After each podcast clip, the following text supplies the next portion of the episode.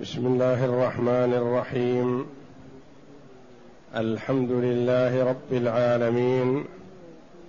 والصلاة والسلام على نبينا محمد وعلى آله وصحبه أجمعين. وبعد. بسم الله.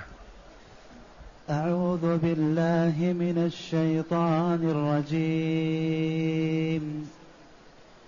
وأما من أوتي كتابه بشماله فيقول يا ليتني لم أوت كتابيه ولم ادر ما حسابيه يا ليتها كانت القاضية ما أغنى عني ماليه هلك عني سلطانيه خذوه فغلوه ثم الجحيم صلوه ثم في سلسلة ذرعها سبعون ذراعا فاسلكوه. إنه كان لا يؤمن بالله العظيم. ولا يحض على طعام المسكين. فليس له اليوم هاهنا حميم ولا طعام إلا من غسلين. لا يأكله إلا الخاطئون. هذه الآيات الكريمة من سورة الحاقة جاءت بعد قوله تبارك وتعالى فأما من أوتي كتابه بيمينه فيقول هاؤم اقرءوا كتابيه إني ظننت أني ملاق حسابيه فهو في عيشة راضية في جنة عالية. قطوفها دانية. كلوا واشربوا هنيئا بما أسلفتم في الأيام الخالية. وأما من أوتي كتابه بشماله فيقول يا ليتني لم أوت كتابيه ولم أدر ما حسابيه. يا ليتها كانت القاضية. الآيات. الله جل وعلا يوضح لعباده شيئا من مواقف يوم القيامة وأحوال الناس فيها والتفاوت العظيم الذي يحصل بينهم وأنهم فريقان فريق في الجنة وفريق في السعير ولا ثالث لهما. يقول جل وعلا يومئذ يعني يوم القيامة يوم الحاقة يوم القارعة تعرضون لا تخفى منكم خافية. عملكم كله محفوظ مسطر. والله جل وعلا يعلمه. يقرر عبده بأفعاله. عملت يوم كذا كذا وكذا. ما يستطيع أن ينكر.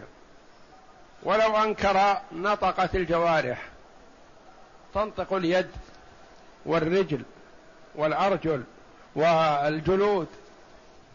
فالله جل وعلا يبين هذا لعباده قبل أن يحصل حتى يكون العاقل على بصيرة من أمره. والعاقل إذا سمع هذه الآيات كأنه يشاهد يوم القيامة لأن القرآن نزل باللغة العربية اللغة الواضحة الجلية. التي لا خفاء فيها. بعدما بين جل وعلا أصحاب اليمين ومن يأخذ كتابه بيمينه ومدى سرورهم بما نالوا من ثواب الله ويبين مآلهم جل وعلا إلى الجنة في جنة عالية قطوفها دانية كلوا واشربوا هنيئا بما أسلفتم في الأيام الخالية الأيام التي مضت. بين جل وعلا حال الفريق الثاني حال أصحاب الشمال الذين أعرضوا عن طاعة الله وتكبروا عن عبادة الله وظلموا عباد الله. ما هو مآلهم؟ هل يفلتون؟ ثم ما عملوه في الدنيا هل يسعدهم في الآخرة؟ تكبروا وتجبروا وطغوا وظلموا كل هذا يكون وبالا عليهم يكون عقوبة عليهم وعذاب. قال تعالى وأما من أوتي كتابه بشماله أعطي الكتاب بالشمال.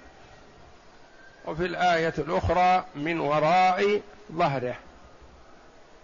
ورد أن اليد الشمال تنزع من الجهة الأمام وتجعل على الخلف ويأخذ بها الكتاب من الخلف. الشمال ومن الخلف من وراء ظهره. من وراء ظهره. بشماله.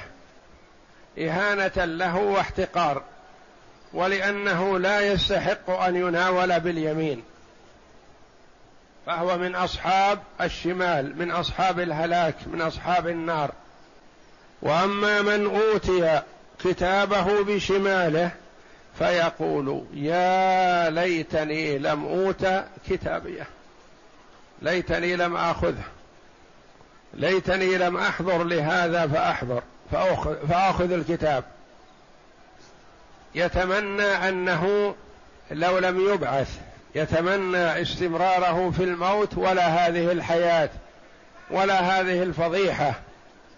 والندى عليه على رؤوس الأشهاد يفتضح بين الملأ بينما هو كان متجبر متكبر متعاظم في الدنيا.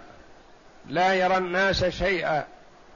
فيقول يا ليتني لم أوت كتابيه يتمنى أنه لم يعطى الكتاب. ولم ادر ما حسابيه. يتمنى أنه لم يدري شيئا عن هذا الحساب. يتمنى أنه لو كان استمر على حال الدنيا ثم مات ونسي. لأنه في حال الدنيا ما كان يفكر بالحساب.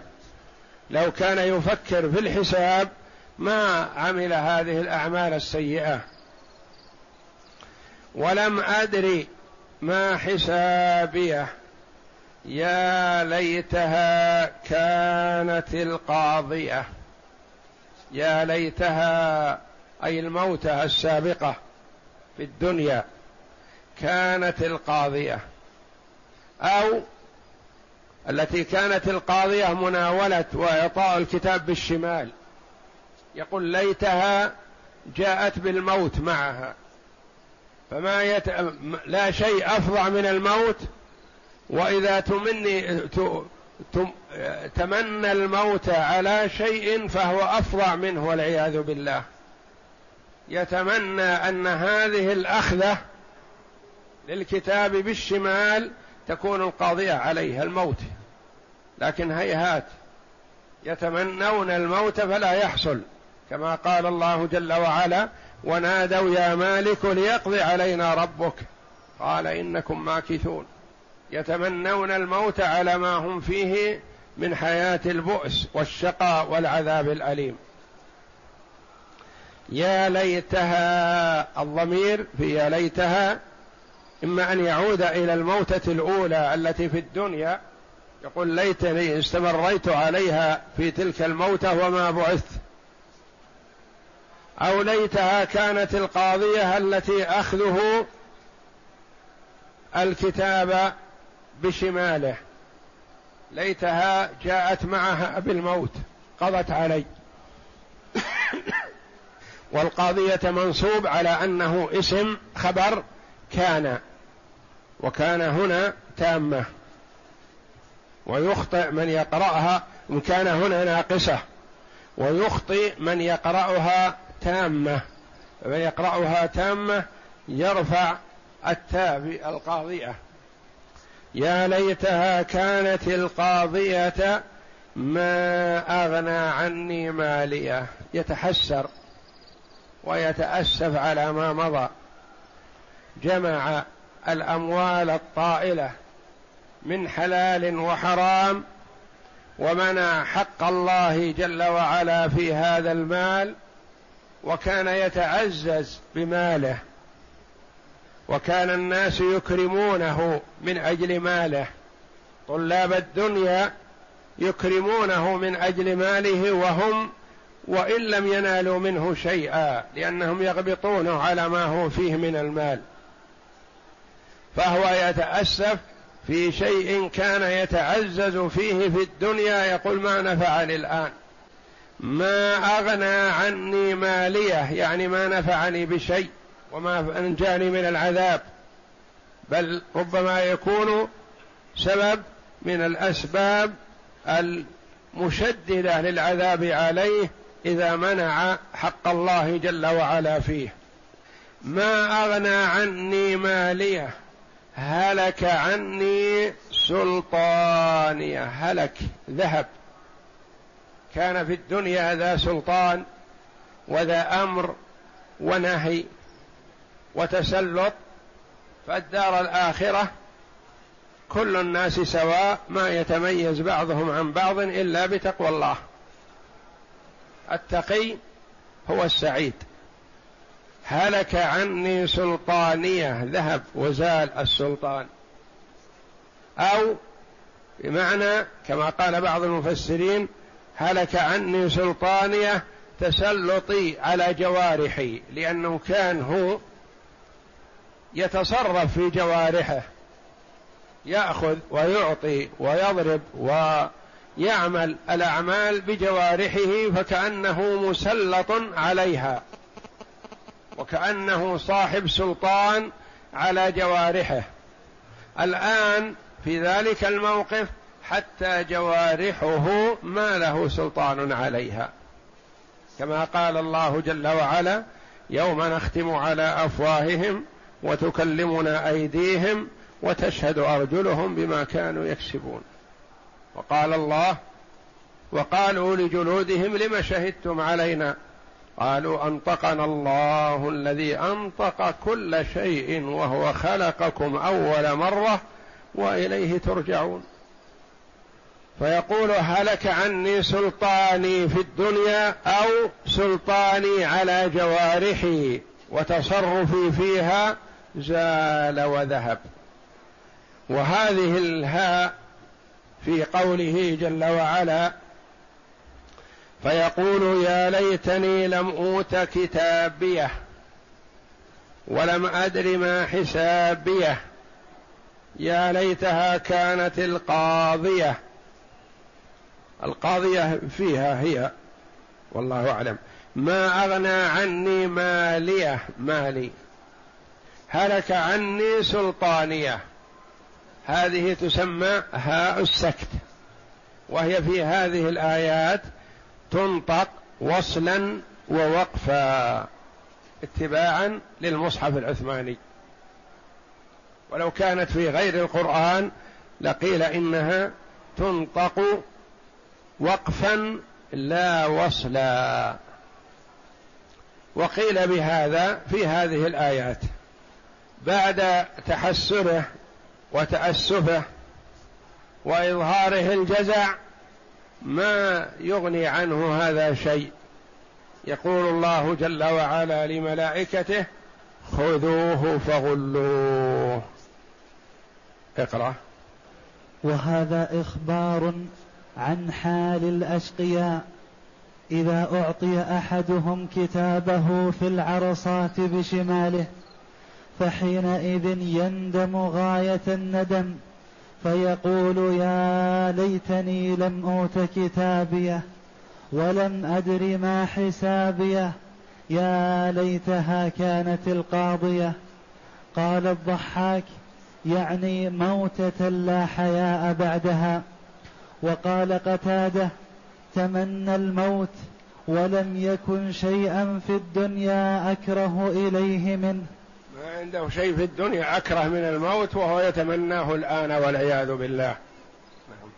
ما أغنى عني ماليه هلك عني سلطانيه أي لم يدفع عني مالي ولا جاهي عذاب الله. يتمنى لو كان معه ماله يفتدي به من من العذاب لكن ما ينفعه. فليس معه شيء كما قال الله جل وعلا ولقد جئتمونا فرادا كما خلقناكم أول مرة وتركتم ما خولناكم وراء ظهوركم. ولو كان عنده شيء وافتدى ما قبل منه. بل خلص الأمر إلي وحدي فلا معين لي ولا مجير. فعندها يقول الله عز وجل خذوه فغلوه. خذوه أمر من الله جل وعلا للزبانية لملائكة العذاب لخزنة جهنم. كما قال الله جل وعلا عليها ملائكة غلاظ شداد لا يعصون الله ما أمرهم ويفعلون ما يؤمرون. حبب إليهم تعذيب العصاة من بني آدم كما حبب لبني آدم الطعام والشراب. لأنهم خلقوا لذلك. خذوه فغلوه. يعني تغل يداه إلى عنقه. من باب الإهانة والاحتقار والتعذيب. خذوه فغلوه. الأخذ اولا ثم الغل ثانيا. ثم الجحيم صلوه وكلها متوالية. وليست ثم كما قال بعض المفسرين للتراخي وإنما للترتيب أن ما بعدها أشد مما قبلها. خذوه الأخذ ثم الغل ثم الجحيم صلوه. ثم في سلسلة ذرعها سبعون ذراعا فاسلكوه. هذه أنواع العذاب المتوالية وثم ليست أن هناك فاصل بين هذا وهذا وإنما لترتيب أن وتباين ما بينهما من شدة العذاب. فكلما كل جملة متضمنة لما هو أشد من الجملة الأولى. خذوه فغلوه ثم الجحيم صلوه والتصلية فيها إدخال في النار ثم رفع ثم إدخال ورفع أشد وافظع مثل ما يصلى المرء مثلا الذبيحة أو اللحمة على النار يقلبها حتى أن جميعها يأتيه نصيبه من النار.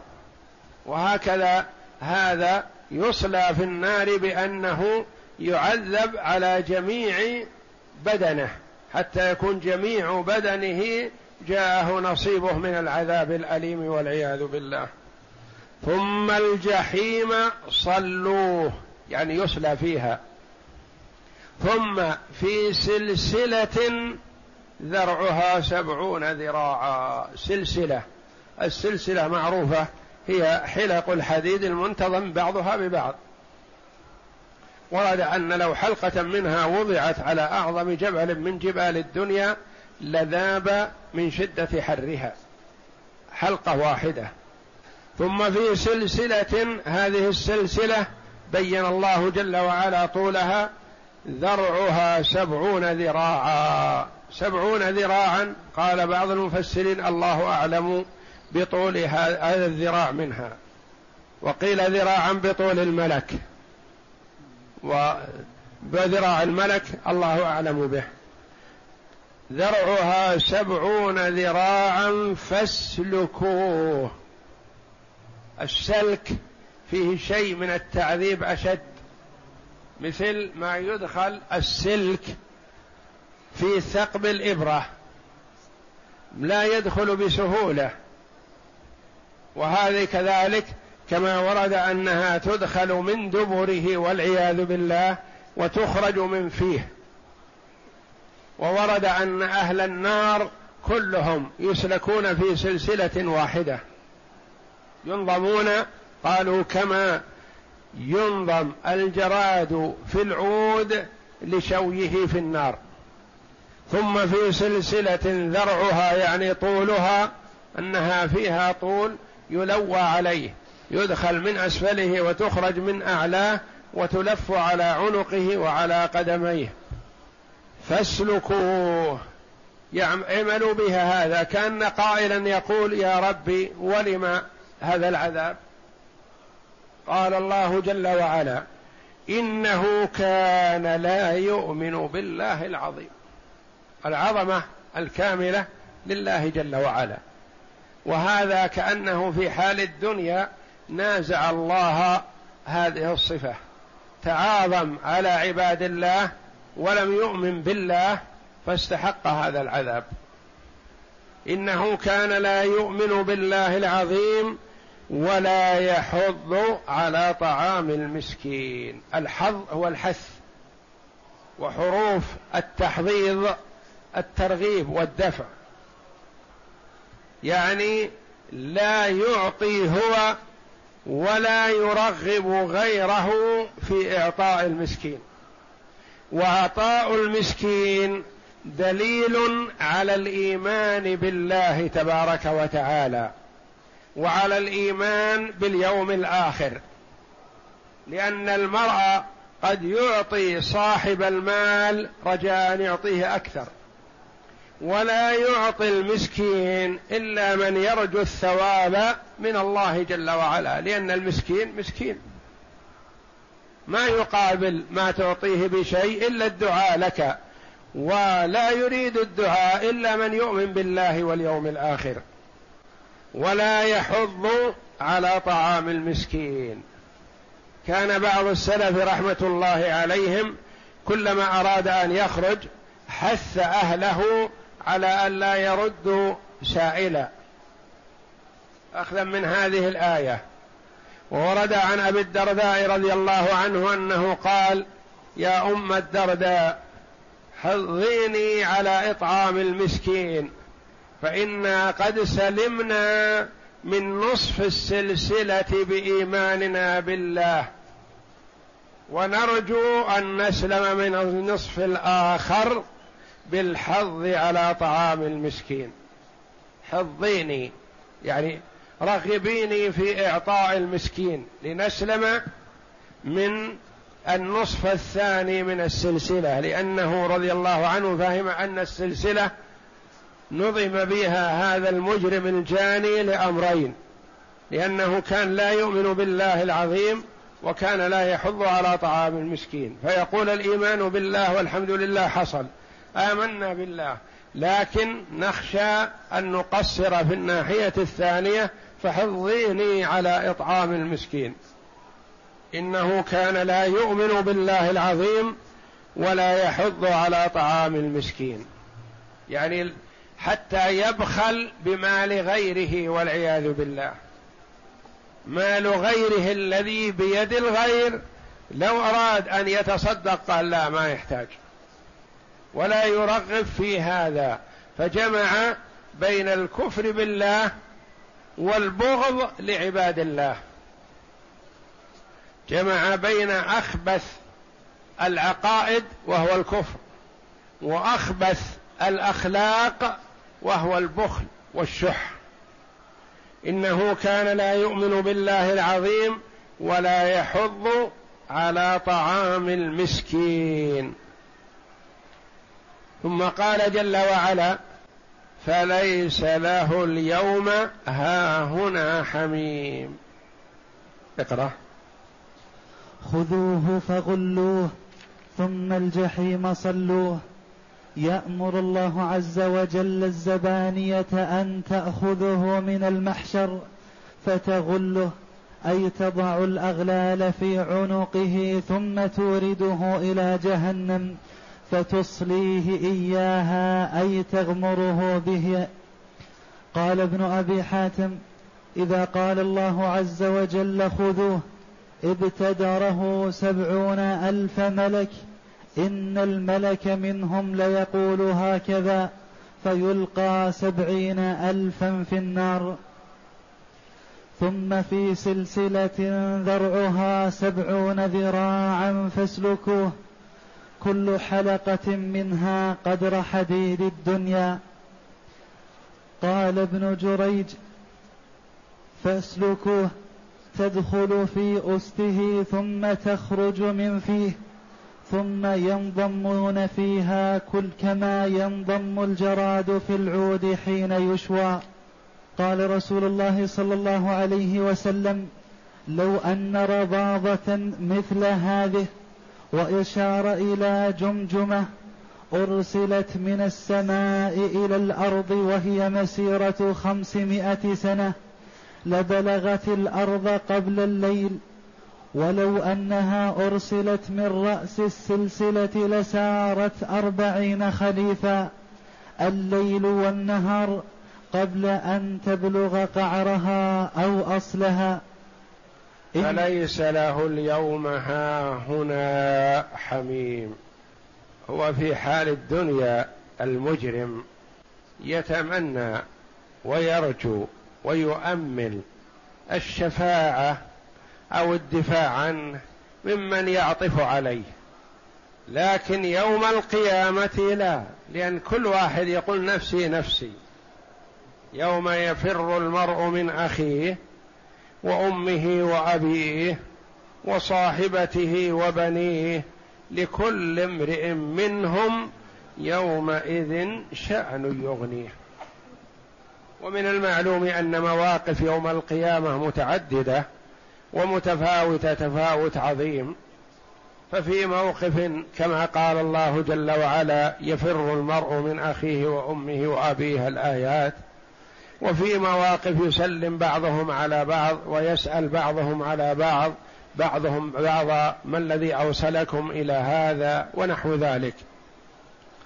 يقول الله جل وعلا في ذلك اليوم فليس له اليوم هاهنا حميم ليس له صديق ولا قريب ولا نافع ولا أحد ينفعه ولا طعام إلا من نوع خاص من غسلين. الغسلين ما هو هو والعياذ بالله كما قيل عصارة أهل النار.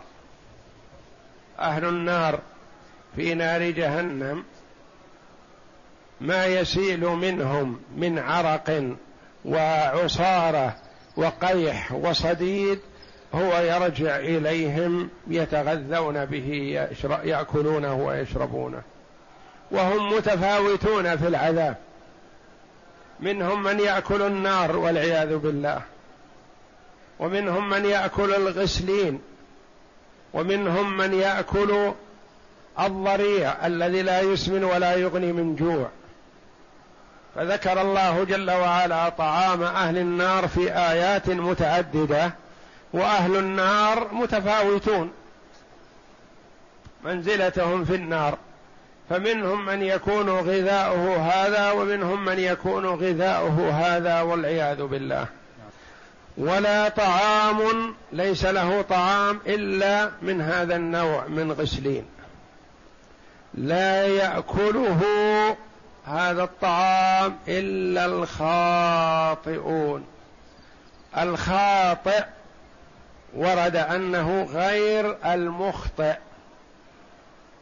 الخاطئ هو من يقع في الخطأ على تعمد والمخطئ من يقع في الخطأ غير متعمد. فمثلا قاتل النفس عمدا عدوانا هذا خاطئ ومن يقتل النفس يريد صيدا فيصيب تكفيرا للخاطئ عن الإثم. ولم يجعل الله جل وعلا كفارة في قتل العمد لأن جرمه عظيم. ومن يقتل مؤمنا متعمدا فجزاؤه جهنم خالدا فيها وغضب الله عليه ولعنه وأعد له عذابا عظيما.